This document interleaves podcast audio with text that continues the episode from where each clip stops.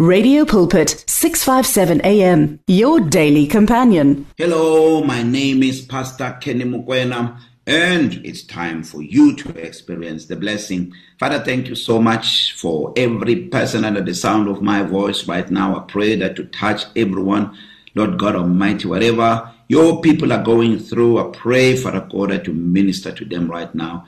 If you are feeling sick in your body, I rebuke that sickness. I command it to leave your body now in the name of Jesus. It is well with you. Be made whole now in Jesus' name. Amen and amen.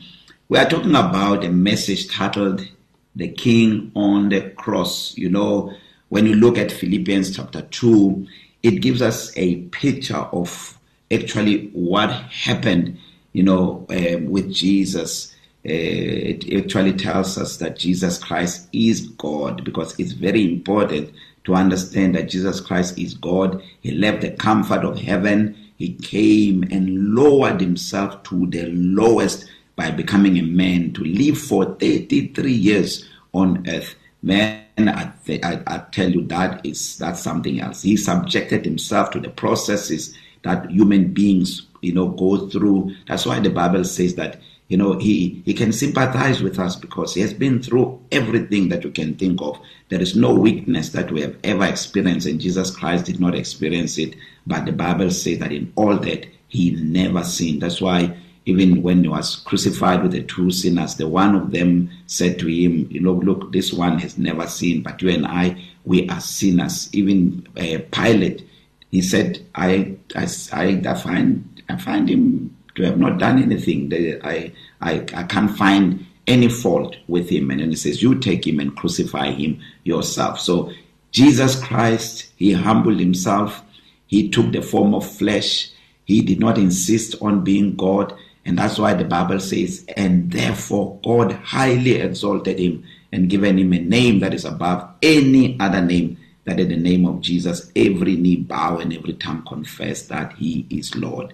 So we're talking about the King on the cross, and we talk about the King on the cross. We are talking about the King of kings and Lord of lords. Remember when um, Jesus was crucified, Pilate he insisted that a, a, a writing should be put on the cross that says Jesus of Nazareth, the King of the Jews. Another version puts it to say, This is the King of the Jews. So he was so prophetic, God put it in his heart to do that because that is exactly who Jesus Christ is. So the text that we are using for this conversation is John chapter 12 verse 32 which says and I if I am lifted up from the earth will draw all peoples to myself and Jesus here was talking about the kind of death was going to die um, this is what John 12:33 tells us that he was going to die by being crucified. This is the king on the cross who took our place. You know, every time when I meditate on the cross of Christ, um, I become, you know, so humbled, if, if I can put it that way, because God Himself coming to pay the price for our sins and leaving it to us to benefit from what he did on the cross.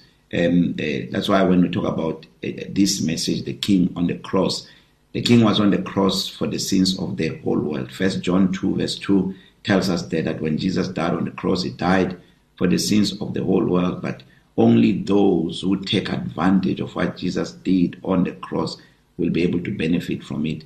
Jesus was crucified with two criminals on the cross. Both of them were the closest to him. One took advantage of who he was, the other one reviled or ridiculed him. He was so close to eternal life. He could he could he could he could smell eternal life right next to next to him at a critical moment. He was just a, a, a few hours or a few days from dying. In fact, it was I can call it few hours because um, um, uh, remember, the Bible says that uh, the, these these guys their their legs were broken, and the reason why their legs were broken it was because they needed to to to to to to die so that they can be put put down, taken down from the from the from from the cross because they were about to celebrate Passover. So this is very important for us to understand because Jesus says, if I'm lifted up, I will draw all peoples, all peoples of all race to myself. And this is what we also see in the book of Revelations.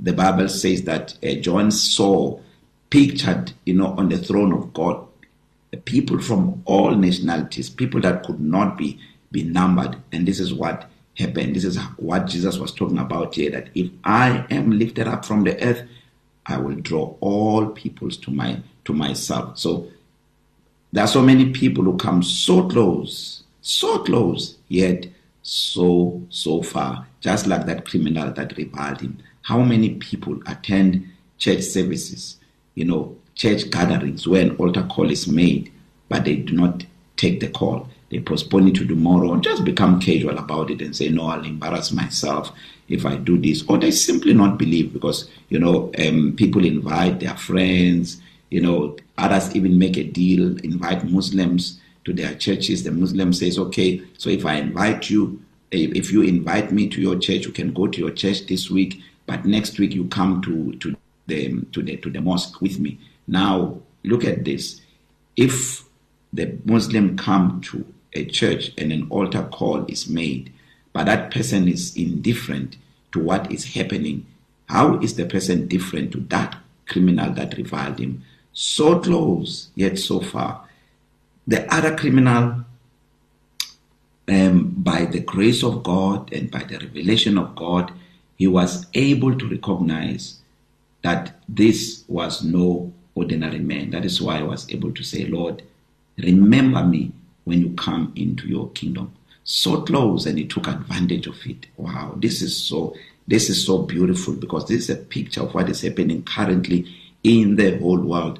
How many people uh, could listen to a message like this even today, where at the end of this message, uh, an altar call is made to give someone an opportunity to receive Jesus and made him the Lord of their lives, and they think, "No, nah, this is not for me. This is for someone else," and they miss eternal life with and each. Remember, one of the reasons why you know Jesus Christ is not coming back is because the Bible says that the long suffering of our Lord is salvation. What this means is that you know Jesus is not delaying um, uh, as someone may define what delay is. The reason why God is holding him back. I know that a lot of people, when they are going through problems, they wish Jesus Christ can come now to take them out of their problems, you know, but God is interested in someone else getting saved. That is why God is patient. There's a lot of things that are happening on earth right now which God can't put up with. God is fed up, for a little lack of better words, with what is happening right now. But God is withholding His Son Jesus for the sake of someone getting saved.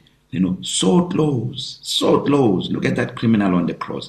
So close, yet so far. That is why it's so important for you and I right now who are born again, who have received Jesus as Lord and Savior of our lives, who have partaken of the heavenly gift, who have, you know, um, uh, received the Holy Spirit, who have experienced the grace of God, who have tasted how good the word of God is, it is important for us to win others to Christ. The same grace, the same mercy, the same gift that we have received from God, according to Romans 6:23, we must share the same with other people so that they can receive Christ. And that is what will accelerate the coming of the Lord Jesus Christ because as darkness covered the earth and deep darkness the people, that light continues to shine brighter and brighter over our lives. You know, if we want to understand the, the strength and the power of light, you go into a place where there is darkness and you and you switch on the light you will see how powerful light is. You know the bible says that darkness cannot comprehend the light. That's why when light came darkness could not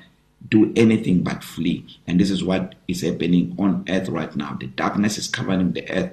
Deep darkness the people but the lord is arising over us and his glory is being seen upon us. So we're talking about the king on the cross and uh, uh, this message is just to encourage you to say, when you look at the cross today, what do you see? Do you only see an empty cross, or that cross stand as as a, as, as a memorial? Because remember, we are all called to carry our cross daily and follow Jesus. On a daily basis, we carry our cross. And the cross symbolizes two things. One, it symbolizes our relationship with God and our relationship with people.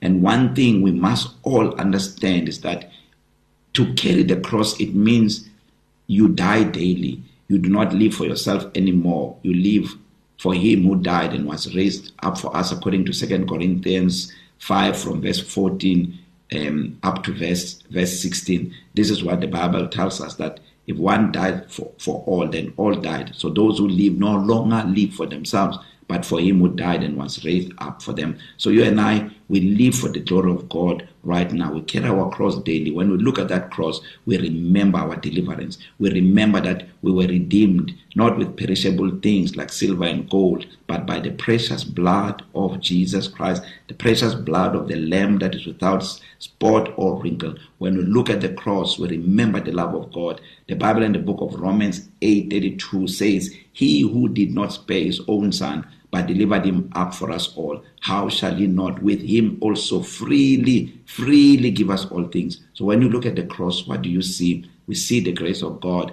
that today we are reminded that if God would let his son, his best possession, I mean, for a lack of better word, I'm using possession because Jesus Christ is the sum total of everything that God created. That's why the Bible says, In him all things consist. John 1 verse 3 says, Without him was not anything made that was made. Meaning, when God look at Christ, he sees everything that he has made. And God gave us his son Jesus. So, what do we see when we look at the cross? When we look at the cross, we see the King. We see his love. We see his grace. We see his, we see his mercy. He became the weakest and the lowest on that cross. And it was not because he is dead, but he became dead for us. He became sin. He was made sin so that you and I can become the righteousness of God in Christ Jesus. So when we look at the cross today, we see the king on the cross, but not a king that is weak, but a king who is loving,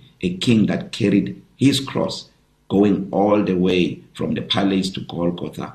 What was he doing? He was carrying you and me. That cross, when it says today, you and I we must carry our cross daily and follow him, we follow his example. We do not live for ourselves. You know, when Jesus was in the Garden of Gethsemane, he said to God, Let this cup pass from me, from me. And he said, Nonetheless, not my will, but your will be done. He was saying, I'm not here for myself. I'm not here for my glory. I am here for your glory. I'm here to carry my cross, the cross that represents my relationship with the Father and the cross that represents my relationship with people. In other words, Jesus was saying, I live for your glory and I live for the good of people. And this is what God, you know, want us to remember today when we look at the cross, we remember that the king is on the is the king on the cross represent God's grace, represent God's love, represent God's mercy. And the fact that the, the, the cross is empty, it stands as a memorial. It stands as the memorial of how much our king loves us. What makes the difference between the kingdoms of this world and the kingdoms of and the kingdom of our God is that the kingdoms of this world, the king owns the people and owns everything, and he enriches himself but our King demonstrated his love in that while we were yet sinners, he died for us on the cross.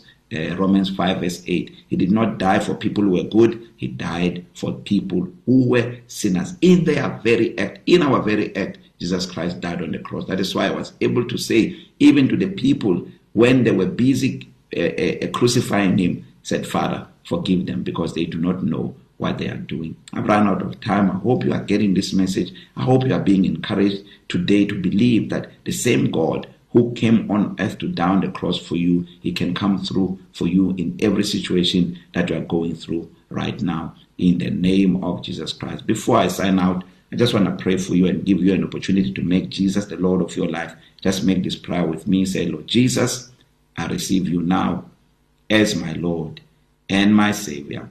Amen and amen. If you made that prayer, you are born again, you're my brother, you're my sister. I will see you in heaven. Love you so much. God bless you, and may you experience the goodness of the Lord every moment of every day. God bless. The words of the Lord are words of life. Your heart is on 657 AM. Radio Pulpit understands that praying alone isn't always easy, so join us to form a chain of prayer for you and with you. To send in prayer requests, contact 067 429 7564 or alternatively email us on prayer at radiopulpit.co.za. The search continues for top quality South African Christian music. If you are a new artist or releasing a new CD, then send it to Radio Pulpit. For more information, please visit the Radio Pulpit website. That's www.radiopulpit.co.za. Or phone us during office hours 012 334 1200. Radio Pulpit, your daily companion. You and 657 AM and life. A winning team on the road to eternity.